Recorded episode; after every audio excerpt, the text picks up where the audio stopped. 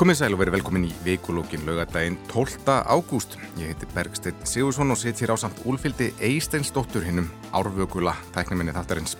Til okkar eru komin þrýr góðir gestir, það eru þau Mars M. Proppe, stjarnælisfræðingur og starfræðikennari í MR og meðstjórnandi í samtökunum 78. Valdima Víðisson, skólastjóri í Öldutúmskóla og formaður bæjar ás Hafnafjörðar, oddviti framsóknarflokksins þær í bæ og Regína Ásvaldsdóttir, bæjarstjóri í Moselsbæ, verið hjartanlega velkomin öllsumur. Mars, þú ert mögulega fyrsti stjarnælisfræðingur sem ég heiti. Já. Og ég er mjög imponeraður yfir þessum tilli eins og við erum öll hér komin inn á hann. Þetta er yfirlega eitthvað sem að nota til þess að undirstryka eitthvað sé ekki flókið, það er nú enga stjarnælisfræðinga að, til þess að gera þetta en, en, en hér ertu komið og, og, Já, hér er ég. Já, hva, hvað var til þess að þú, þú lærið þetta? Um, sko, það hefur alltaf legið svolítið vel fyrir mér þessar reyngreinar og ég hérna, þegar komaði að velja mér háskóranám var svolítið svona að velja á milli eðlisfræðinar og starffræðinar Já. á hvað að fara í eðlisfræðina af því að það er meira tengt við raunveruleikan einhvern veginn um, og svo bara fannst mér þetta langmest spennandi greinin þar undir Já, um, svo ég bara sérhaði mig í því mm. og kennir núna starffræði í MR. Já, það ger ég. Ég var í MR sjálf sko þegar ég var í mettskóla þannig að þetta var svona um, vola þægileg lending mynd eftir um, bíðskráðunum mína. Já, og, og tókstu upp nafnið Mars, er það bara tengt dálætið þínu á þeirri reykistörnu eða? Og, um, nei, nafni kom, kom svo sem á undan gráðinu sko um, en þetta vakti mikla lukku í náminu. Um, algjörlega að vera með plánutinafn og á þeim tíma var þetta líka um, var engin sko lífandi sem hétt þetta. Um, held ég ekki staðfest, allavega ekki á fyrsta nafni sko. Núna eru alveg orðin allir nokkur en, en, já, já, hérna- það, já, algjörlega. Ok. Um, þú ert líka í samtökunum 78, ætlum að koma aðeins inn á það núna á eftir en Valdimar, þú ert skólastjóri í Öldutúnskóla í Hafnarferði líka formaði bæjarás uh, þar í bæ, óttiti framsóknar. Hvernig fer þetta saman? Þetta er bara vel saman. Ég, hérna, það er náttúrulega skipilagi með vel. Þetta er náttúrulega, maður setur á sig ímsa hatta eh, eftir hvort maður er, í hvað hlutverki maður er. En þetta gengur, gengur mjög vel saman og, og hérna, og e, þegar maður skipilegur sig svona vel fram í tíman og, og hefur gott fólk í kringu sig, þá gengur þetta allt ljómandi vel. Er endar, í skólastarfin er, er þetta álagstímin, en, en, en svo sinnum maður hinu starfinu samhliða, vissulega, þannig að, þannig að þetta gengur bara ljómandi vel, þó að þetta sé oft krefjandi, Já. e, viðkynni það alveg. Mi mikil uppbygging í Hafnarferði þessa dagana? Það er mikil uppbygging og alltaf gerast og alltaf sól í hafnafyrði. Við tölum um stór hafnafyrðarsvæði, ekki höfborgarsvæði. Já. Alltaf gott uh, verið í hafnafyrði og, og mikið í gangi hvort sem það er uppbygging í, í uppbyggingu eða, eða f- hérna, fá fyrirtækin í bæinu svo framvegis. Einmitt, uh, Regína, þú þú hefur verið í Mosilbæ undanfæri ár eða svo, varst áður í Reykjavík og Borg á velferðarsviði og styrðir Akranissi á sínum tíma. Uh, hvernig kanntu við í Mosilbæ? bara alveg frábælega. Ég byrjaði fyrsta september, mm. mitt þar að verða ár síðan og, og ég þarf bara ofta að klýpa mig á mótnana yfir því að, að ég trúi valla að ég fá að starfa í svona fallegu og góðu umhverfi. Mér finnst náttúrulega þetta er algjör útivista paradís, Mósesbærin og, og hérna Mósesdalurinn, e, fellin í kring, þannig að og, og mjög svona góður e, góða stopnanir sem að bærin er að reka, skólar, leikskólar, búsötukjarnar, þannig að, hérna, gott samstagsfólk og, og, og frábær pólitík, Mm. þannig að ég er allsæl. Hvað hva brennur helst á Mósfellingum? Hva, hva, hvaða úrlaustan eru svona brínust þar? Sko það eru auðvitað, bærin er í miklum vexti og hérna og þar að leiðandi er þetta skuldsettu bær, við tókum við skuldsettum bæ og, og þannig að auðvitað verðbólgan og, og fjárraksmálefni brenna mjög mikið á okkur uh, hérna vegna þess að íbúum er að fjölga svo hratt. Já. Uh, það eru alls konar mál, það þarf að, að, að hérna, setja meira í íþrótta, uppbygging og íþróttamannvirkjum, það brennur mjög á til dæmis uh, afturöldingu, Já, uh, sorpmál, uh, hérna, urðunastæðurinn í Álsnesi. já, það er ekki bara við sinni Reykjavík. Eh, Nei, en það er svona aðra, aðra, aðrar áskoranir Já, þarna. einmitt. Þannig að við erum nýbúin að taka yfir skálatún, það var auðvitað mjög stórt og flókið verkefni. Við semst vorum að taka yfir eh, hérna, þjónustu við 33 fallað einstaklinga Já, og tókum yfir 100 starfsmenn og þetta er svona á skalanum eins og Reykjavík hefði tekið 330 íbúa og yfir 1000 starfsmenn bara svona með, með nokkra veikna fyrirvara. mm. Svo eru þið með blikastaðalandi sem er það sem mun fara mjög mikil uppbyggingarstað það bara kannski Mosulsbær mun eiginlega breytast að einhverju liti? Já, sko, sko íbúafjölgunin verður uh, gríðarlega mikil mm. og, og þannig að bærin fyrir vel yfir 20.000 hérna, markið. Mm. Við erum 13.600 í dag uh, þannig að, að hérna, og að vera að gera ráð fyrir þúsundum nýra íbúa en þetta eru þetta verkefni sem tekur langan tíma. Það verður að vinna svona rammaskipilags útvæslur í dag og hérna en þetta mun, já, auðvitað mun þetta breyta ákveðinlega, það eru ákveðinlega íbúar sem hafa áhyggjur að ásýndin muni breytast, það, það verða fleiri fjölbílisús, lóðir eru mjög verðmættar í dag og hérna þannig að það eru auðvitað ljósta að svona ásýndin þarna megin frá mun eitthvað breytast, Einmitt. en það reynda að gera þetta eins uh, svona í mikillis áttu við umhverfið eins og hægt er. Mm. Skulum demba okkur í fréttamál vikunar að við eigandi að byrja á hinsauðundögum sem ná hápunkti með glöðugöngunni núna eftir háttegi mars sumari hjá ykkur í samtökunum 78 það fyrir vantarlega bara miklu leiti í að undibúa þessa, þessa viku Já, sko það er svona um, við erum nú ekki með fingurna í miklu þarna sko, Nú, því að já, já. það er sér félag hins einn dagar sem Já. sjá um svona um, bara allt utanumhald um þessa viku og hátíð um, en við náttúrulega erum þeim til halds og trösts í alls konar hlutum um, Já, sumarið hjá okkur um, þar er engin pása svo sem heldur bara áfram eins og, eins og allt árið um kring Mm. það er nóg að gera Já, hvað brennur helst á ykkur þessi dærin? Um, já, núna er náttúrulega haustið að byrja Já. og það þýðir um, að fræðslu teimi hjá okkur verður á fullu að fræða bæði í skólum og fyrirtækjum og slíkt en það hefur vaksið alveg gríðalega undanfæran ár. Um, svo erum við líka með mjög stert ráðgjafateimi um, en ráðgjafin hjá okkur hefur vaksið um, þrifald eða fjórfald vil ég meina á senst árum um, og er alveg gríðalegur fjöldi fólk sem sækir sér þjónustu til okkar. Þannig að við séum ekki bara í svipum undirbúningi og svona aðrar þjónustu stofnunir. Þó við höfum byrjað sem félagsamtök þá eru við svo margt, margt fleira núna. sko. já um, Hinsindar, það er mikið litadýr það er mikið gleði og fögnuður en það er líka alltaf svona alvarlegur undirtótt og ekki ástæðulegs og það hefur verið rætt um bakslag og, og, og þess aftar og við sjáum uh, í löndum í Evrópu, Vestanhafs og hlera það er sótt að réttindum transfólks og þess aftar hvernig metur þú stuðuna hér á Íslandi? Sko það sem við höfum aðalega fram yfir aðra þjóðir hér á Íslandi um, er lagalögu grundvöllurinn. Við erum aðeins sterkari þar uh, fyrir, sagt lagalögu réttind okkar eru varin. Mm. Um, og líka að þróunin er nokkrum árum eftir á hérna miða við annar staðar. Já. Þannig bakslæðið er að hitta okkur í rauninni kannski tveim-þreim árum eftir um, löndum eins og Skandinavi og Breitlandi og svona sem við byrjum okkur oft við. Um, það þýr hins vegar ekki að það sé ekki það. Af því að það er alveg mjög áþreifanlegur munur á ástandinu núna og fyrir kannski svona tveimur árum. Mm. Um, og það snertir Til, til, aðalega... til sverra þá? Já, Já. til eins vera algjörlega og það snertir aðalega svona yngstu meðlumina í okkar samfélagi sko. og hins veginn ungmenni verða fyrir gríðarlega aðkast í bæði frá jafningum og, um, og jafnvel fullornu fólki. Og við sjáum þetta bara eins og á kommentakerfinum núna og undir fréttum og svona fólk lætur frá sér hluti sem eru bara alveg alveg rosalega fordómafullir og ljótir. Um, og fólk gera þetta bara undir nafni og eins og ekkert sé sem að við hefðum ekki séð fyrir nokkur árum síðan. Gerist þetta af því að við að því að fólk verður vart við að þetta sé að gerast erlendis frá að þetta verður, sér það, það, það verður talað um ungmennin að það sé einhver trend á TikTok og þetta, kemur, mm. kemur þetta utanaf frá eða er eitthvað hérna internal, svona innra með okkur hérna innanland sem, sem Um, þetta kemur utan frá sko áhrifin, Já. algjörlega. Um, það sagt þá náttúrulega er þetta samt að afhjúpa fordóma sem að eru til staðar og þeir eru ekkert nýjir, þeir hafa bara kannski verið svona svolítið í félum. Um, og þetta er náttúrulega sama fólkið sem er á móti uh, hins einn fólki eins og er á móti alls konar öðrum minni hlutahópum, þetta er ekkert eitthvað svona uh, einskorðast ekki við hins einn fólki eða transfólk, þetta er oft fólk sem er líka á móti innflytjandum um, sem er á móti um, jafnvel konum alls konar minni hlutahópar sem verða fyrir aðkasti. En þetta hefur verið sérstaklega svona um, áþræfanlegt í kringum transfólk undarfærið sko, mikið svona bakslag í kringum okkar réttindi. Valdimar, þú uh, byrti mynd af, af uh, hins eginn fánunum á Facebook síðan og það er Öldutúnskólar skóli, hann fagnar fjölbyrdileikanum, þar eru 600 nefnundur og þessu þar. Um, hvernig sinnið þið málafloknum í, í, í skólastæði?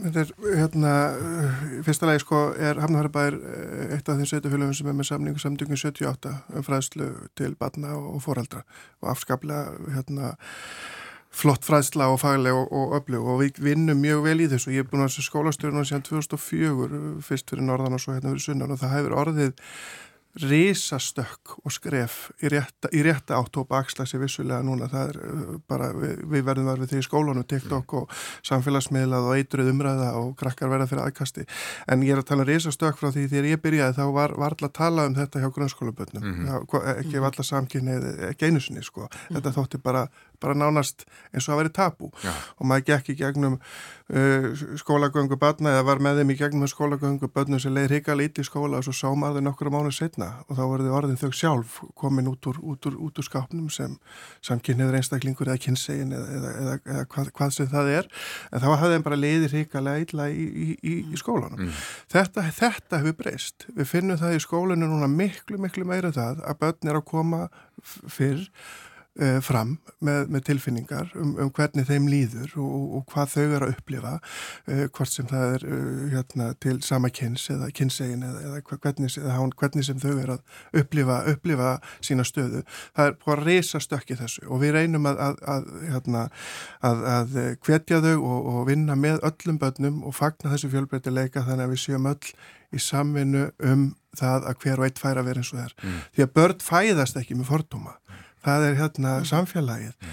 það er, eitthvað starf er að vera að mata þau á því eh, þeir sem að er að, er að vera með aðtjóðasendir og, og, og leiðindi, hvort sem er að samfélagsmiðlum eða beint, eitthvað starf er þau að fá þetta frá og læra þetta. Hafið þið þurft að grípa eitthvað inn í slík tilfelli? Já, já, við, er, þetta er því miður eins og, eins og maður kom hér inn á áðan að, að bakslag í þessu að því leiti að, að Samfélagsmiðlar eru töluvert stór áhrifavaldur hvað þetta varðar. Mm. Það er verið að koma eitthvað svona trend eða svona bylgjur, ég haf verið að gelta að, að, að krökkum mm. og það er svona verið að, sem er eitthvað, eitthvað merking frá TikTokum að sé niðrandi fyrir, fyrir hins egin einstaklinga og svo framvegist. Þannig að við verðum alveg varfið þetta og þurfum að grípa inn í. En það, það breyti því ekki að það hafa verið resastökk en mm. það er vissulega bakslags tendensa núna í einst sumu og sérstaklega hvað var þar transbönnin. Mm. Þetta sást til dæmis í Mósesbæi vikunni þess að þið, þið fagnir nú fjölbreytanleikanum og flögguðu fyrir þetta bæjarskristofunar en fánatinn voru skortið niður. Já sko við flögguðum eh, hérna, flögguðum fyrir þetta bæjarskristofunar en svo máluðum við líka regnbókötu og, og hérna fyrir fram með hlikar þannig að við svona reyndum að vera uh, hérna gera allt sem í okkavaldi stóð til þess að hérna svona, e, vera sagt, sínileg og hérna og fagna fjölbrytileikanum en, en ég verða að segja það, ég var svolítið sár þegar ég kom í vinnuna hérna á 15. morgun og sá að fánarnir hefði verið skortnið niður. Mm. Þetta voru nýju fánar, þannig að, að hérna, þetta var svona heilmikil aðgerð en það sem að við, svona, við ætluðum ekki að láta þetta fréttast. Við settum ekkert á, á heimasíðina hjá okkur en auðvitað var svo komin Instagram fæsla og, og, og allir fjölmilar eh, hérna byrjuði að ringja Já. Vegna þess að við vildum ekki gera þessum einstaklingum þetta í geðs að vera svona að varpa einhverju ljósi á þetta. Já. Þannig að það var, eh, fánatni voru skortni niður eh, í hitti fyrra mm -hmm. og, og hérna og það ekkit, komst ekkit í umræðina. Þannig að markmiði okkur núna var bara að flagga strax aftur og við vorum með aukasett, ég var greiðlega glöð í morgun þegar ég hérna sá að þeir stóðu allir fánarnir og hérna en við vorum alveg, við ætlum ekki að gefast upp gagvart svona skemtaverkum. Uh, maður spyrsi auðvitað, það hafi auðvitað verið önnu skemtaverk í, í Mosesbæ en samt uh, hérna þegar að þú veist íslenski fánin fær að standa bónusfánarnir standa mm -hmm. uh, þá er þetta merki uh, að mínu mati um, um einhvers konar svona hattus uh, og, og þetta er að gerast í fleiri svettafélagum líka og, og þýjumlít Mars, um, hversu er þetta mjög fámennur ruttalegur hópur sem er hérna á móti og lælskar að skrýða þegar vonum aðtekli eða er þetta hversu útbreytt er þessi mótstað heldur? Já, ég myndi segja að það væri nú frekar fámennur hópur, mm. fámennur en, en hávær um, um, og við þessi lof það eru ekki mörg sem að eru svona gríðlega fordóma full mm. og finnst um, allt ílt koma frá frá okkur hins einn fólkinu um, en það sem kannski fjöl, þar sem fjölmennar er fólkið sem er svona með evasemdir um hvernig þetta liggur allt saman. Um, og það er náttúrulega mjög skiljanlegt þegar það fær skilaboð frá öllum mismunandi áttum um það um, að þetta sé allt í lægi eða ekki lægi og svo framvegis. Og það er kannski svona hópurinn sem við viljum mest ná til. Um, er fólki sem er svona kannski aðeins tvístígandi með þessi málumni Já og maður sé til dæmis í kringum hýrið yrða samkeppni eh, samtakana þegar voru auðlis eftir kynhlutu sem orðum fyrir ömmu og afa eh, fyrir sumar að, að þá fer umræðan svolítið innan farveg á nú að fara að banna þessi orð. Já, já, já. það, svona, það verður til svolítið rugglingsleg umræða. Já, sem er náttúrulega mjög fyndið af því þetta er ekki fyrsta hýrirakeppnin sem haldin er, þetta er þriðja hýrirakeppnin núna á, á nokkra ára tímambili um, og hínar tvær hafa fengið greiðlega jákvæð viðbröð og hérna já og og staðnættin er náttúrulega svo að við erum ekki að reyna að útýsa neinum orðum Nei. úr málunni, við erum einfalda að reyna að auðga málið um, með því að koma til móts við fólk um og fylla upp í hólur sem eru til í málunni um, og yfirleitt er þín út ekki fagnandi í komendagerunu en ekki kannski þegar að kemur að hins einn fjölskyldunni. Um, Já og þetta náttúrulega sínir bara svolítið svona um, hvar áhugirnar eru þessa dagana, eru kannski ekki um öryggi hins einn barnana eins og mætti vera heldur um hvort að ís út í gömlu um og afa mm. Hvað á að gera af afa heitum með gamli fórsparasketsin en þetta er kannski já, já, já. gengur uh, endur í lífdega um, talandum samfélagsmiðla á þessartar og, og í skólastarfi að þá sneri umræðan hún vaknaði aftur umræða í vikunum hvort þetta banna farsíma í, í grunnskólum og tilefnið var skýsla frá UNESCO sem var sagt fyrst frá að hefði lagt til að skóla, eh, símar erði erðu bannaðar í, í, í skólum en svo þegar maður les skýsluna eða svona rínir aðeins betur í þetta þá verðist nú frekar snúast um takmarkanir á snjáltækjum í skólastofunni, kennslustofunni. Og maður, þessi umræða kemur reglu upp og fellur í góðan jarfi skulum segja, grípa þetta margir og loftur og segja já, einmitt bönnum, bönnum snjáltíma en þeir, það, það eru vantarlega alltaf stranga takmarkanir á snjáltækjum í kennslustofum og þess að það er eru snjáltímar uh, vandamál í, í skólastarfi. Já, þeir eru það og, og hérna við í Völdunskóla við höfum farið þá leið og erum búin að vera símaleg skóli Já. núna í, í nokkur ár. Að því leitinu til að nótkunn tækjana er bönnuð en við vitum þetta er öryggistæki fyrir uh, heimili og bönn eftir skóla þannig að, þannig að þau eru með það í töskunum eða, eða ekki uppi við í kjænslustofu að þetta höfur breytt algjörlega hjá okkur allri menningu í kennslustofum að hafa ekki símtækin. Uh, sem við tala um forræðisíkju, okkur er kenniðum ekki að nota þau? Jú, við gerum þannig að við erum með flesti skólar að margir hafa gott aðgengi að tölvum og spjaltölvum og þar erum við að kenna þeim að nýta taknina með ósamt fyrirlestrum og, og fleira. Síðan er bara hvernig umgangast tækin. Það að bann sé með heimin í vasanum bara í kennslustund og áreitið allir með aðgengi að banninu samfélagsmiðlara tikka inn og fleira. Þetta, þetta er ekki gott fyrir mm. banninu. Þau verða bara svolítið að fá að vera bönn í skólastofunni og svolítið í friði frá þessu og það, þá, þann mingil höfum við tekið þetta. En þetta er vandamál uh, vegna þess að, að upptökur barna á, á símtækin sín, það er að segja af öðrum barnum, af starfsfólki, uh, senda skilaboð á milli, uh, neteinelti, ekst með, með, uh, með snjáltækjunum og svo framins og við kennum þau þá hvernig á meðhundlaðu og vera með þau og þetta er snar lagast eins og hjá okkur hvað var þar svona áreiti af því að við bönnum notkuninu. Mm. En hins vegar er þetta börn, eru, börn og þau reynu þetta að komast hjá reglunum einhverjum hætti í fríminutum og fleira og það er líka allt í læg en við erum bara aðlæðin að kenna þeim að nota tækinu rétt. Er þetta ekki almenna reglan í skólum á Íslandi?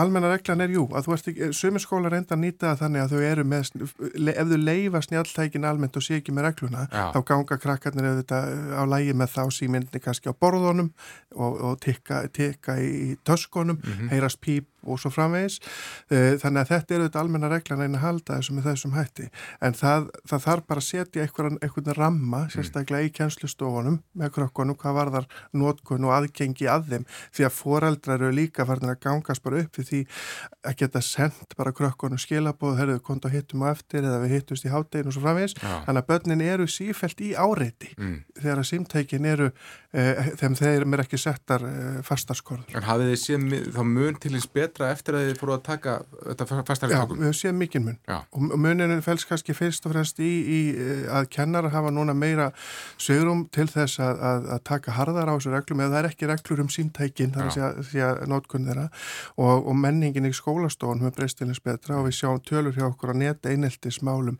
hefur fækkað. Mm. Það er að einelti með, með símtækjum eða, eða neti í, í skólan. En er það einhver ástæð til þess að ganga lengra en gengi hefur verið? Nei, ég, ég, sko, það má ekki hefur ómikið forræðisíkja alveg, það má ekki banna þetta algjörlega. Við erum að horfa þetta er nútímin í dag. Já. Það er að segja við, við fullandafólkið erum, erum eh, ofta einhver, einhver betri í sjálfu sér með, með símtækin og, og hver hefur ekki verið á fundum þar sem allir setja og eru með símana á borðinu. Mm -hmm. Þannig að þá er maður svona hálfur ofta á fundinum að því maður er að fylgjast með hvort það kemur eitthvað í, í síman. Já. Þannig að við þurfum bara að kenna þeim að nota símtækin. Ég sé ekki gerlegt að setja algjört bann þó að við séum að tala um hjá okkur bann við nótkunn þeirra á skólatíma en þau fari fríminótur og svo fram með eins og hafa þá uh, eh, sögurum oft til að kíkja eða eitthvað slíkt sko. Mm. Fyrir ekki með þetta staðan líka í Moselsbæ? Já, þetta er mjög svipað. Ég til dæmis hérna, eins og í Varmárskóla sem er upp til sjötta bekkjar, uh, þar er, þetta, er, er símin algjörlega bannaður. Þau, þau geta verið meðan í töskunni að þau með ekki taka hann upp í, í fríminundum og,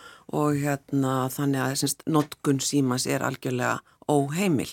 En svo þjótt komin í úlinga eh, hérna deildirnar eins og í Kvíslaskóla og fleiri skólum að þá er þetta svona svipað og, og, og Valdimar er að lýsa að þau fá að fara í síman í fríminundum og mm. þessi, þessi eldstu.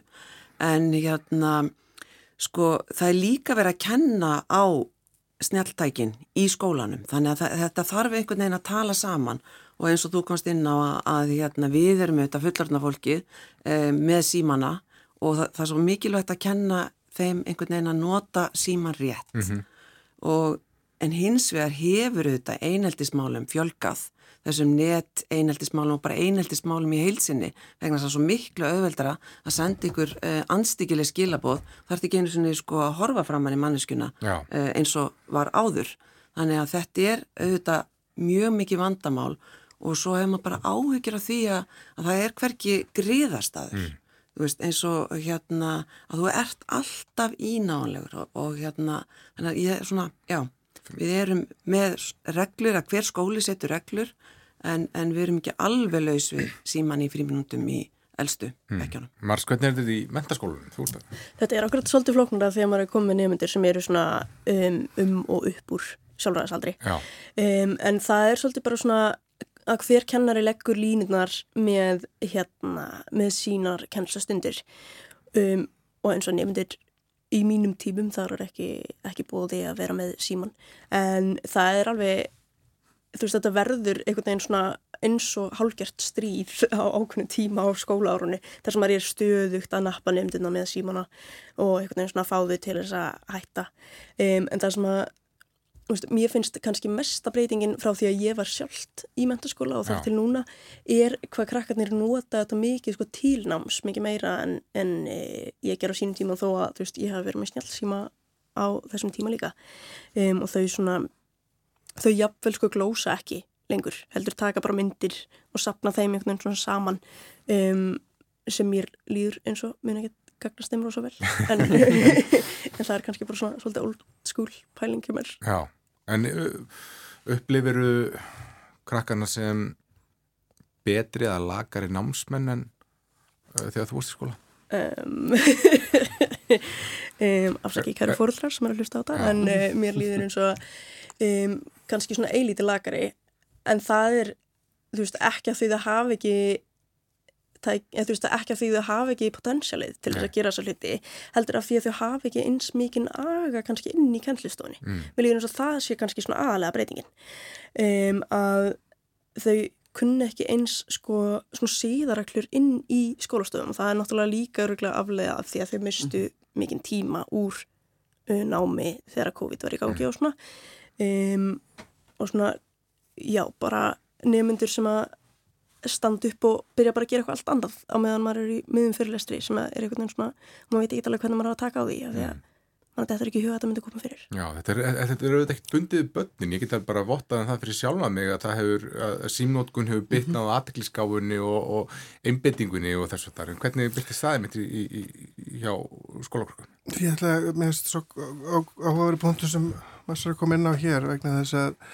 að að það er svo, hraðin í samfélaginu er svo mikill. Mm. að akkurat þessi ægi við að, við að skrifa texta eða læra utanbóka ljóð þetta er einhvern veginn ekki lengur börninu, sko, við, það er verið að reyna að vinna þetta með krökkunum en þeir skilja ekki að þurfa að gera þetta vegna þess að þetta er bara í einu klikki. Já í, í hérna símanum og, og gerfi greint að komin jafnvel sem skrifa heilu verkefni fyrir krakkana. Þannig að við, það, það, það er vandin í skólagerfinu, það, það snýst að ná einhverju jafnvæg, við erum alltaf að elda eitthvað. Við erum alltaf einhvern veginn að komin í jafnvægi með eitthvað þá kemur eitthvað nýtt. Mm. Þannig að þetta byrti sko, þetta nákvæmlega sem, hún, sem að maður sér að tala um að, að hérna að þau upplifa, þau þurfi ekki að vera að leggja á sig svona skrifa, minn, læra utan á því að þau taka myndir af þessu, þetta geimist í einhverju skíi eða eitthvað hvað sem er þannig að við erum bara ekki að ná einhvern veginn raðanum mjög svolítið saman mm. þannig að skólakjörfið er sífælt einhvern veginn að elda sem er ekki alveg nógu gott mm. En á sama tíma þá líka hvíði er aukast mm -hmm. og við mhm. sjáum líka samanburð sem, sem er ofta en það hlýtur nú eitthvað gott að fylgja þessu líka e snjáltækjónum, alveg ótrúlega bara, bara í þjónustunni. Við náttúrulega, hérna sveitafélun eru svona þjónustu fyrirtæki í raun og veru. Mm. að stór hluti að verkefnunum okkar. Og við sjáum það bara strax, við erum til dæmis núna að vinna með, vinna að því að alla teikningar hjá byggingafulltrúa eru orðnastafrænar eh, hérna og, og bara alls konar verkefni sem eru svona mannshöndin hefur uh, þurft að vinna að það eru snjáltækin að, að hérna eða semst, við erum að stafvæða mm. þessa ferla. Þannig að það er alveg endalust tækifæri en við þurfum að, að hérna, við þurfum bara að vanda okkur. Já en, en ég, ég myndi ekki vilja fara tilbaka á, gömlu rítvilina og, og, og, hérna, og vera án snjáltækja. Ég lærði á, á Ramagsritvil í grunnskóla og já. það náði skotti á þeim, þeim tíma það sem er burðaðis með ritvil í skólan já, já, og það skrýtna að vita að, að tímaður fóru fram í tölvuverinu. en maður það er mitt Við talum net einelti en á móti kemur og þá vantar líka auðveldara eins og fyrir ykkur í samtökunum að ná til krakkana þeir eru Algjörlega. Og við sjáum náttúrulega eins og þú komst inn á aðanvaldumar að krakkar eru að koma út mikið yngri í dag og það er náttúrulega bara að því þau hafa þennan möguleika á því að spekla sig við mikið starri hópa fólki og mikið fjölbreyttari fyrirmyndir. Á meðan að um, þú veist við sem börn vorum kannski að taka okkar um, pælingar úr bókum, jafnvel úr barnaefni, ykkur sjómasefni, útvarpi um, sem var svolítið bara svona ákveðið fyrir manna með ykkur fullofnum fólki ykkur starf, ykkur skrifstofu á meðan að krakkar í dag geta sótt sér hvað sem er, mm -hmm. sem er um, bæði gott og slæmt. Um, en það gerir það verkum að þau veist, þekka heiminn á eigin fórsöndum mikið fyrr. Um, og þetta kemur leiðir til þess að það koma mikið fyrr út, erum með mikið betri orðaforða og við hjá samtökunum höfum náttúrulega verið að díla við þessa, þessa svona þróun eins og, eins og aðrir. Um, og hefur tekist svona ágætlega kannski að hérna koma til mótsu þarfir hins einn barna og ungmenna sem er svona aðalega hópurinn sem þetta breytir ykkur fyrir. Mm. um, þessi svona hnattræna þróun. Um, en við erum bæði með stuðningsópa fyrir fjölskyldur og aðstandinir barna, við, börnin koma til okkar ráðgjöf, við erum með félagsmiðstöðar fyrir krakka allt frá 10 ára aldri upp í og upp úr 18 ára aldri. Þannig við erum að þjónusta í rauninni bara allan aldurskalan af fólki. Mm. Ef þið voru að koma að viðtækjunum þá það að hlusta á vikulogin. Gæsti mínir eru Regína Ásfaldsdóttir, Mars M. Proppe og Valdimar Víðisson. Um, Snjallækin og, og, og netið og allt þetta, þetta hefur áhrif meðal annars á tungumáli og það hefur verið sóta, sóta í íslenskunni, uh, ennskan orðin meira ríkjandi en áður fyrir og við sjáum þetta á meðan samtíkjum 78 er að efna til hýriðarsamkeppni og rækta tungumáli og þá eru íslensk fyrirtæki að gefa eftir og toppur orðin Bon Aqua og svo í vikunni þá var rúmfattalæðurinn, var tilkynnt að hann er því jusk og og þótt að rúmfattalæðin sé kannski ekki það svona, svo, svo, það, það vörumerki sem nýtu mestra virðingar á, á Íslandi að þá er eitthvað heimilislegt við þetta og, og margir sirkja já, þessa þróun. Regina, hvernig, hvað finnst þér um það? Já, ég hérna, við höfum líka sko séð aðra, ég skil þetta með, með, með júsk eh, vegna þess að þetta er alþjóðlegt eh, fyrirtæki og við höfum auðvitað séð að þegar við erum að reyna að sportna við því að taka inn erlendnöfn þá búum við bara til ný sem er eins og Arion og Origo og alls konar, mér finnst það eiginlega ekkit betra. Nei. en hérna þannig ég svona hef ákveðna svona samum með þessu. En hins vegar brá mér svolítið í morgun þegar að ég las viðtal við hann Elliða, kollega minn í, í hérna Ölfusi, þegar ég las um Ölfus klöster og hann talaði nokkur sinnum um Ölfus klöster sem er svona eh, greinlega fyrirtækja hérna Já. garðar sem eru í Ölfusi. Ekki klöstur. ekki, ekki alveg klöstur en klöster en Já. hérna þannig að, að þá svona hugsaði ég, heyrðu þetta er svona hérna við þurfum aðeins að passa okkur auðvitað eh, hérna Við eigum þetta príðilega orð sem er bara klassi yfir þetta. Já, já, já, já, emmitt og ánast ég ætla nokkuð að fara að gaggrina þau sérstaklega en, en, en svona hérna við verðum og, og bara svona perlunar okkar, þú veist, landmannalögur, allar þessar hérna, perlu við verðum að varðveita íslensku heitin.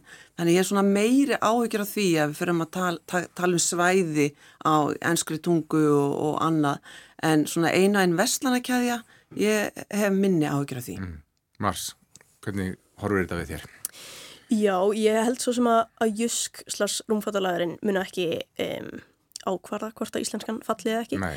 En uh, já, mér líður eins og sko, við höfum oft miklar áhugir af tungumálun okkar sem þjóð um, og við grípum kannski svolítið svona í dæmi sem eru ekki aðalvandamálið, eins og þetta með Jusk, skilur fólk kannski um, verður svolítið svona upprýfið yfir þessu á meðan að það sem að er aðalvandamálið allavega að mínum að þetta er, veist, bara hvernig við erum að láta málið til næstu kynnslóða mm -hmm. af því að um, þú veist það sem við þurfum að stuðla að er bara læsi barna um, málþróski ungmenna og að koma til móts við þau með tungumálið líka af því að við finnum þetta á unga fólkinu að það slettir mikið meira að það er ekki með einskoða málfræði og svo framvegis og það er bara af því að þau eru að finna speiklun og einhverja afþreyingu á öðrum málum á netinu Já, og slíkt. Og, maður þarf jafnvel sko að til þess að útskýra hvað íslenskt orð þýðir þá þarf maður að nota ennska orði til þess að útskýra fyrir yngri kynslaðinni. Nafnilega og það er bara af því að þau eru ekki að finna aftreyingarafni við sitt hæfi mm. á íslensku um, og það er eitthvað sem við þurfum að vinni sem þjóð. Þannig ég held að jusk slags rúmfattalærin sé ekki að fara bjarga okkur um, eða fella Já. en uh, kannski ef við myndum koma eins og eina góða séri á úlingabókum það myndi hjálpa mikið meira sko. Já Valdimar, þessu, þetta, þið tækir vantarlega eftir þessu sem Mars er að tala um í skólunum. Já, þetta er sko, margir íslenska fræðingar hafa komið fram í fjölmjölum og rætti þetta í gegnum árinum um þróun íslenskunar og, og sumir tala um að, að þetta sé bara eðlegt að máli þróist eins og er gert í aldanar ás. Mm -hmm. En ég hef þetta, við ekki nefnum, ég hef þetta full röð og, og stundum alls ekki nógu góð þróun eh, vegna þess að, að, að börn eins og er að koma hérna inn og er að fá svo mikið af, af erlendu tungumáli annar stað frá og mm -hmm. það eru börn sem tala saman og það er unnveruleginn dag, tala saman bara á ennsku einfallega í, í, í skólum og það, það er bara miklu meira orðið um það það sé verið að tala með ennskum hætti og ennska setningar heldur en, heldur en, heldur en verið hefur. Jusk eða ekki og mér finnst það nú komist sko að ég þekki nú ekki þetta Juskdæmi að fréttin var sko hérna Já, við ætlum að breyta hérna, nafnir umfattalagarsins af því að hérna, það næri ekki alveg utanum uh, alla þá vöruflokkar sem við erum og þess að ætlum að heita Jusk. Ég vissi bara ekki hvað vöruflokkar Jusk er, þannig að ég er bara hvað að tala um. Ég veit að það stendur ekki að fellu með því að þróunin er orðin, hún er kannski hraðar heldur, heldur en margir gera sér grein fyrir, sérstaklega okkar krakkana varðar og, og, og við heyrum það bara, og, þetta er orðið það mikið og það eru útastöðar með þessi heil útastöðarna sem er tala meira með slanguryrðum heldur en heldur en íslenskunni. Og, og þegar að börn eh, þurfa einmitt að, að það þarf að leita þau þekkja eins og það var að vera að leika sér í gardinum heima hérna hjá mér um dagina fyrir í næsta gardi við og þau voru á svona hopputrampolíni og þau voru að tala alltaf um það að þau mætti ekki fara á trampolíni þegar þá farið þau í lafað. Þau mætti ekki dætt í lafa Já, það er lafa að koma, það er lafa að koma. Já, svo mikið lafa Já og það er sjónvannstáttur eitthvað sem gengur held í út af það að þau get ekki stokki í lafi en svo náttúrulega hraun bara í, í, í, í hérna tónfættunum í, hafnafyrði en tala bara um lafa. Já. þannig að þetta er, þetta er miklu þetta er orðið miklu miklu meira og við erum í þessu hraða samfélagi eins og ég kom inn hér áðan þar sem við erum ekki að við náum sérlega ekki að stoppa þetta. Það er bara spurning hvernig við þá vinnum með þetta. Já, til einmitt. þess að viðhalda íslenskunni en í leið, leiðinni þá þróast tungumáli eins og þau gert í, í aldanar ás Eitt, svona eina undantekningu, það er hérna, trampólingarðurinn Rush sem, sem laði það nafn niður og var það skopp þannig að það er kannski að gefa þeim, gefa þeim prigg hérna í, í, í, í útdarfinu um, einmitt, þetta er hérna og, en eins og við nefnum líka þetta helst í hendur kannski líka við ásokna ferðamenn, við erum að, við erum að þjónusta miljónir ferðamanna, þeir eru miklu fleiri heldur en heimamenn. Og þá er eins og við stittum okkur leið og viljum bara uh, fara beint í enskuna. En það er líka svona sjarmin við það að fara til annara landa. Það er að kynnast einhvern veginn svona sjá þó, þótt maður skilji þau ekki endilega að, reyna að bera fram erlend nöfn og þess áttar og, og ef maður er þannig þengjandi að fara eitthvað að nördast í, í orsifjafræðinu og þess áttar og við erum kannski smá að, að, að láta það drabbast niður eða hvað? En mér finnst allan að gríðarlega mikilvægt til dæmis að þú ferðin á veitingahús að þú sért með, með hérna, íslensku heitin yfir hérna, réttina og, og þó þú sért með ensk líka. En ég er náttúrulega nýkomin Frakla, eh, frá Fraklandi var þar í sumafríi í tvær vikur og, og þeir eru nú ekki að, að þýða alltaf mikið og það þýðir það að maður reynir svona, þú veist einhvern veginn að læra nöfnin á réttunum og, og bjóða góðan daginn og kveðja og allt þetta á frönsku. Já. uh, hérna það eru kannski flóknara með íslenskuna en, en mér, eins og þú segir þetta er sjarmerandi að þú kemur til einhvers lands og þú sérði einhver uh, orð sem, og stafi eins og hérna, þotn og eð og allt þetta sem að þú þekkir ekki. Já. það er bara hluti af okkar menningu en, en auðvitað skilji líka rekstra aðeila sem vilja að kunnin skilji hvað hann er að fara að kaupa. Þannig að þú þarftu auðvitað að hafa þetta svona tvíþætt og En hvað getur til dæmis bæjafélögin gert og svona, hvað gerir til dæmis Moselsbar, eru þið fyrir starfsmenn til dæmis að Erlendu Bergi uh, brotnir, eru þið duglega við að uh, auðvelda þeim að fara í íslensku námu þessu þar? Já, við allavega að, hérna, erum mjög meðvitu um þetta. Við erum svona, kannski fyrra starfinu mínu, hérna, sem sviðstjóri velferðarsvis, þar var gríðalegu fjöldi ellendra starfsmanna, þannig að til dæmis í COVID að all, allar upplýsingar sem ég sendi út og við vorum að senda út, þær fóru út á íslensku, ensku og pólsku. Mm. Þannig að, að, við, við vorum mjög meðvituð um það. Ég viðukenni að, að það er kannski ekki alveg sami, sa, það er ekki sama hlutfallið í Mósusbæði þannig að þetta virkar ekki eins knýjandi Já. en þetta er eitthvað sem við þurfum að gera betur. Já. Þannig ég svona, get ekki sagt að við séum alveg til fyrirmyndar í því en þetta er eitthvað sem ég er meðvitum og, og, hérna, og hef verið að, að velta fyrir mig leiðum til þess að ná betur til þessar hópa. Mm. Mars, uh, erst þú með stjárnælisveðingurinn með halbara lausn á því hvernig við kennum erlendur starfsmennum íslensku með lítilli fyrirhörn? Með lítilli fyrirhöfn, ég held að það var nú aldrei mjög lítil fyrirhöfn af því þetta er náttúrulega svolítan flókið mál Já. sem við búum við hérna. En ég held að sé nú ímislegt hægt að gera til þess að auðvelda þetta. Það væri náttúrulega hægt að vinna með nútíman, vinna með snjáltækin um, meira en við erum að gera í dag.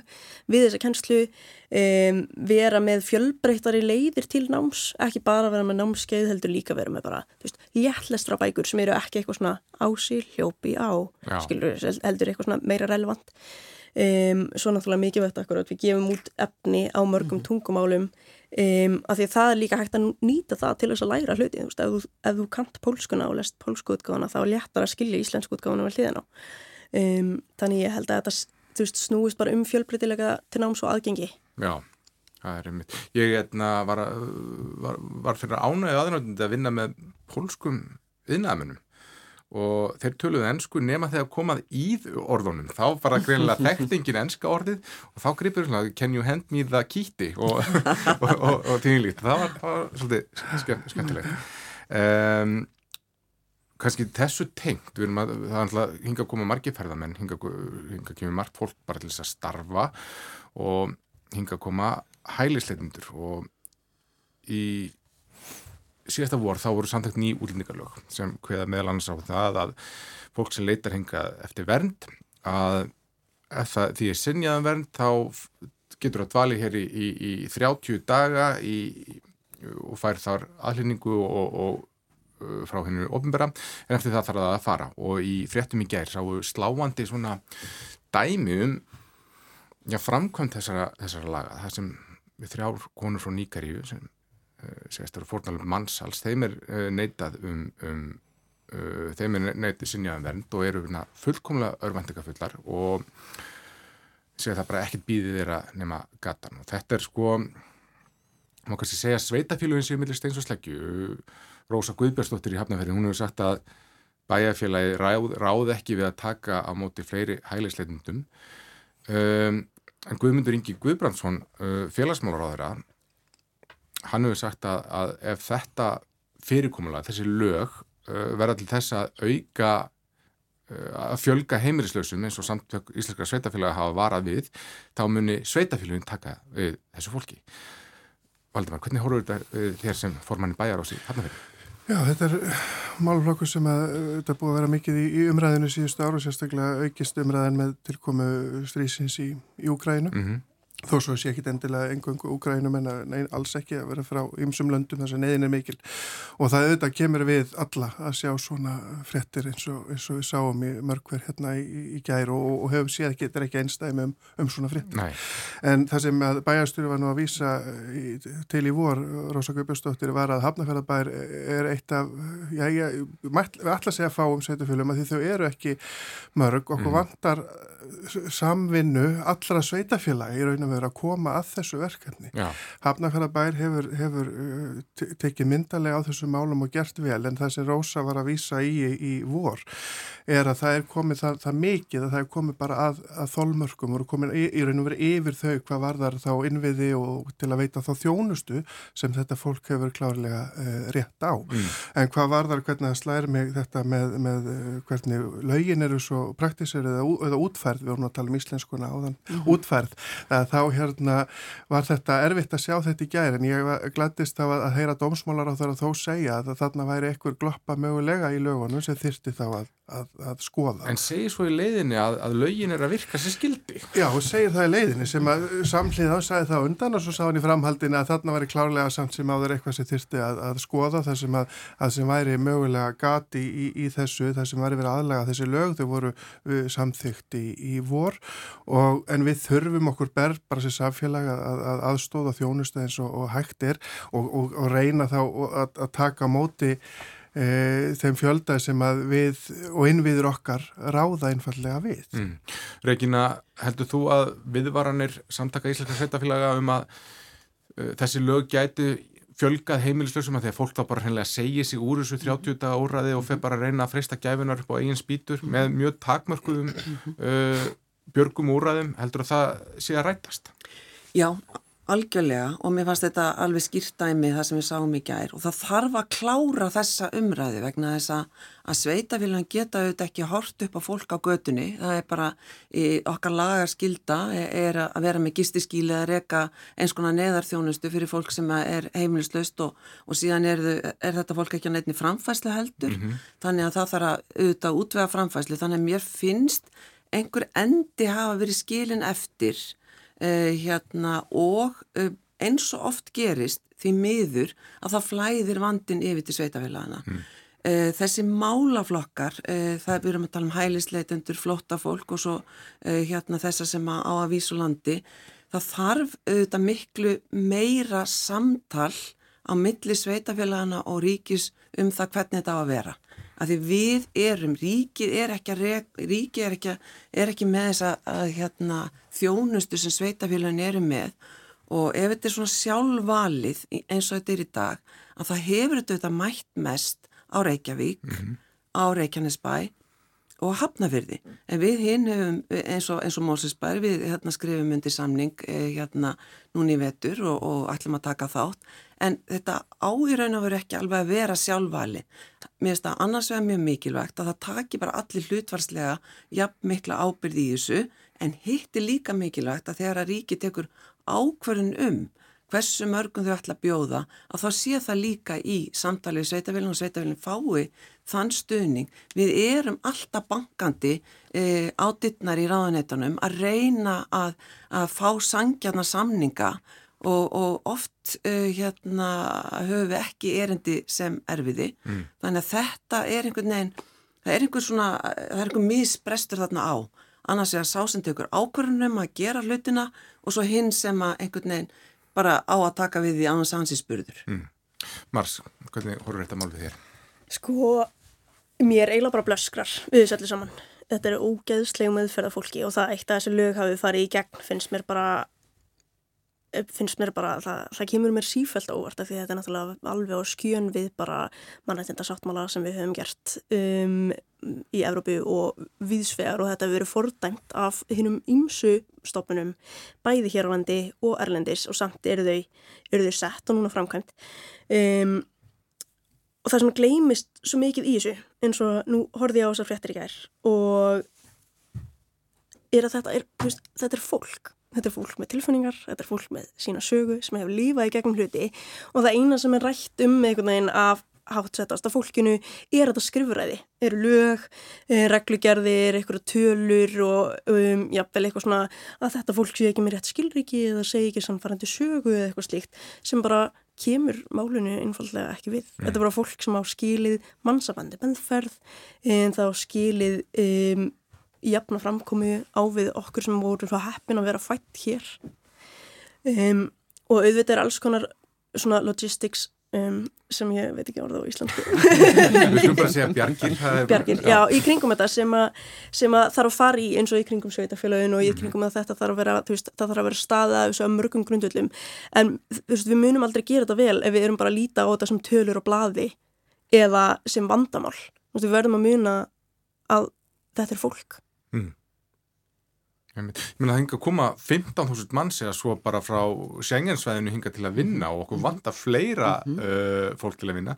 Ég held að það hefur verið uh, fréttur um það að atvinnu þáttaka fólk svo Venezuela sé herri en meðal Íslendinga á þess aftar sko. Þannig að eru að gera meira vandamál úr þessu heldur en tilmið til. Nei, sko, þetta snýst líka bara um eins og Reykjana kom inn á mars líka ykkur leiti, að það þarf svolítið bara að jafna þetta líka, þetta, þegar þetta verður að sapnast svona saman líka mm. á, á, á fáa staði, þá, þá svona verður uh, vandamálið uh, meira eða sínilegra ykkur leiti. Það þarf, það þarf samstilt áttak allra og hlutfalslega bara eins og sveitafélag hvað sem þetta þetta er Bólungarvíka eilstæður eða hafnafjörður mm. að, að vinna saman að því að, að, að vinna með þetta fólk að því að nákvæmlega þetta er fólk þetta er fólk sem er í mikillir neyð þess vegna kemur það við alla að sjá svona og ja, allavega flesta, vonandi alla mm. að sjá svona erfið að frétta sem að vanlíðan og neyðin er þetta mikil og, og, og farið að tjálta í einhverjum, einhverjum raungjótum að því það ekst á heimilisleysi það þarf að klára þá að líkta hérna, að, að innleiða þá um, einhverjar, einhverjar, einhverjar bjargir fyrir þetta fólk í laugin sem samþýtt voru í vor það þarf náttúrulega að vera einhver rammi en það þarf líka að vera þessi mannlega mannlegi þáttur. Mm. Við þurfum líka að vera sveianleg, sko. Mm. Þetta er ekki bara computer says no eins og, eins og segir einhverjum skjæts. Sko frá því að ég byrjaði blaðamenn, sko, sem er að vera 20 ár, mm. þá hefur þetta verið málaflokkur sem hefur verið mikið talað um og það er alltaf talað um að það þurfa að koma nýlög sem er að einfalda hlutina og gera þetta skýrara og eigða óvissu og fólk þurfu ekki að delja hérna lengi og uh, svona með þetta demoklesar sverð hangandi yfir sér og með hverjum nýju lögunum sem eru sett þá kemur bara eitthvað svona nýtt mál upp sem er bara verið stærri jafn agalegt og, og þau fyrri eins og í þessu tilfelli það sem þetta átt að koma í öfrið það að fólk verður að býða lengi eftir, eftir uh, svari. Hér er fólk sem er búið að vera í rúmlega þrjú ár mm -hmm. og er að, er að fá þá loksist á neitu núna. Verður ekki að taka þá hversu lengi fólk hefur verið hérna með einn í jöfnuna, kannski það gert, ég veit það ekki en Hvað, hvað séð þú Ríkina? Já sko, að, þetta er alveg rétti að það er alltaf verið að tala um sömu hlutina en það sem að, það þarf að gera er að stitta málsmaðferðartíma mm -hmm. og ég kynntist þessu vel vegna þess að velferðarsvið Reykjavík sá um uh, hérna, bæði hælisleitundur og flotta fólk uh, hérna, flottamenni voru náttúrulega á síðasta ári yfir 1000 en hælisleitundur eitthvað um 300 mm -hmm. hvert skipti, uh, kannski 500 yfir árið sem að Reykjavík var að sinna og margt fólk hafi verið þarna í, í semst tvö ár með þjónustu frá velferðarsviði, börnin komin í skóla og svona miklar tengingar inn í samfélagi og það er eitthvað svo brútal fyrir ekki að ég sletti, við slettum hérna öll en hérna, en, en, bara eitthvað svo það er svo vond og ég bara fann það á starfsfólkinu okkar sem að, sem að var búin að fjárfesta í tengslum og öðru, hvað, hvað var sárt mm. þegar að fólk hérna síðan hérna var gert að yfirgefa landið og þannig að þessi tími þarf bara vera stuttur og það er allir sammála um það, einhverju hluta vegna virðist skrifræðið vera einhvern veginn þannig að það sé ekki hægt. Mm. Þannig að ég hérna, held að það sé sko algjört líkil atriði að, að, hérna, að bara stór auka þá ef það vantar mannskap, setja þá fjármagn í það til þess að, að hérna, vinna upp þessa hala eh, hérna en, en hérna en þegar að fólki búið að vera einhvern ákveðin tíma og myndatengsl það er bara mjög erfitt að, að fara að vísa því fólki úr landi og svo varandi atur þar annar svona þáttur sem er alltaf verið að tala um að, og við vitum öll að vantar starfsfólk mm -hmm. uh, hérna í hótel uh, hérna bara hótel og í leikskóla og út um allt þannig að þarna einhvern veginn þarf að flæða betur á milli. Það þarf einhvern veginn og það, ég held svo sem að það hafi verið markmiðið uh, með því að láta allir vinnumálastofnun uh, hérna að sinna þessum málum að það hef svona átt að greiða leiðina inn á vinnumarkaðin en einhverju luta vegna þá gengur þetta ekki alveg srætt eins og við mm. hefðum þurft. Og, og þetta er vantarlega eitthvað bara sem við umhverjum að sjá gerast bara í stærri mæli í mhm. framtíðinni með lofslagsflottamönnum og, og þýjumlíkt. Um, annað mál sem svona kom kannski smá óvæntin í umræðinni í vikunni að það er bólusetningar umræðin snýri aftur af, af já, smákrafti, Kári Stefánsson fór í, í hlaðvarp og lísti því yfir að svona vitandi það sem við vitum núna þá hefðu nú kannski uh, þá, þá hefðu kannski maður sleppaði að bólusetja fólk undir ferdugu og þetta hafa anstæðingar uh, bólusetningagripið á lofti og Kári staði, svona, staðið í rittilum að, að leiðrétt orðsín og þess aftar og Valdimar, komustu þið einhverju nýjum þetta? Voru við að gera einhver stórfælt mistök á sínum tíma eða er þetta bara svona dæmingerð baksínis uh, speilsfræði? Þetta er nákvæmlega það. Vi, við vorum á, á sko, ég er líka eins og orða, öll orðin sem voru nótið um þessa COVID-tíma. Þetta voru bara, forda, var ekki að tala um þetta, var bara að fordamæla tímar og svo frammeðis og það var verið að, við áttum með þess að vera einhver, einhver tilrunadýr fyrir, fyrir að vera vera að reyna að vinni því að við erum hérna eiga sem er allir bólusettur og svo er við skoðuð. Þetta var allt svona og, og við, við vorum auðvitað með okkar færasta vísindafólk og færasta vísindafólk í, í heiminum að vinna þessu og þetta var niðurstaðan. Niðurstaðan var svo að, að, að, að allavega að COVID er svo orðin eins og þá einhverjar, hverjar aðrar flensur eða, eða, eða hver pestir alvarlegri svo sem heldur en, heldur en það. En þetta er, þetta er bara dæmi gert svona hvað við lærum af reynslunni sko. Mm eins og ég horfi við þetta, horfa á þetta.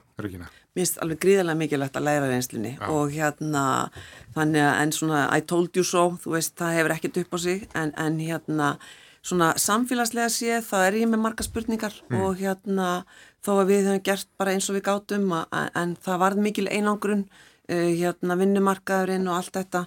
Maður bara spyr sig og, og það verður mjög forvittnilegt að, að hérna fylgjast með rannsóknum uh, nú er ég ekki bara að tala um bólusetninguna, líka að tala um einangrun og lókun og allt þetta Já. þannig að það kom verst út fyrir þá hópa sem höfðu verst hafið það verst í samfélaginu fyrir. Ef við gerum smá hugsunatilurinn og ímynduðum okkur að hér kæmi fara að grassera aftur svona veira, svo vísindum við að segja að hún er jafn skadaleg og, og fyrsta aðbreyðið af COVID Uh, hvernig myndir þú sem bæðastur um Mósleisbæði vilja breyðast við öðruvísi núna heldur en það? Ekki með ja, viðtökum lókunum og var breyðust við í fyrstu bylgu COVID. Mm. Þannig að það er bara, það er, ég er algjörlega með það að reyna að, hérna, að það er svona bara fyrsta hugsunin, uh, förum allega en skellum ekki samfélaginu öllu í lás. Mm. Mars, þú ert að einu okkar sem uh, er stundi færtugur. Já, ég, ég, ég veit ekki hvort að, ég, ég ger ráð fyrir að það hefur uh, farið í bólusetningu Jújú, ég var bólusett Já, sér það eftir því? Nei, nei. svo sannlega ekki um, Nei, mér líður eins og þú veist, akkurat þetta er bara svona við lítum baksinn speilin og lærum, lærum að því sem gert var við vorum all bara að reyna að gera okkar besta og það á líka við um heilbríðstarfsfólk og rannsakandir sem mm. um, þú veist, ég ætla ekki að segja tóku þessar ákvarðanir en vorum með þessar leiðbynningar á ja. sínum tíma um, Já, og ég hef ímislegt, þú veist, akkurat ímsar pælingar í kringum þessa tíma og ég held að þetta sé ekki, þú veist, þetta var ekki eitt af okkar stóru mistökum innan mjög stóra gæsalappa því ég held við höfum bara að díla við þetta ágætlega en ég meina það er náttúrulega alltaf að opna sér Pandora bóksu aftur og aftur en ég held við þurfum ekkert sérstaklega á því að halda. Nei, einmitt. Uh, það er að líða lókum hjá okkur og uh, hætti húsin sem langar með að spyrja hvað Hvað ætlaði að gera um helgina, Valdemar?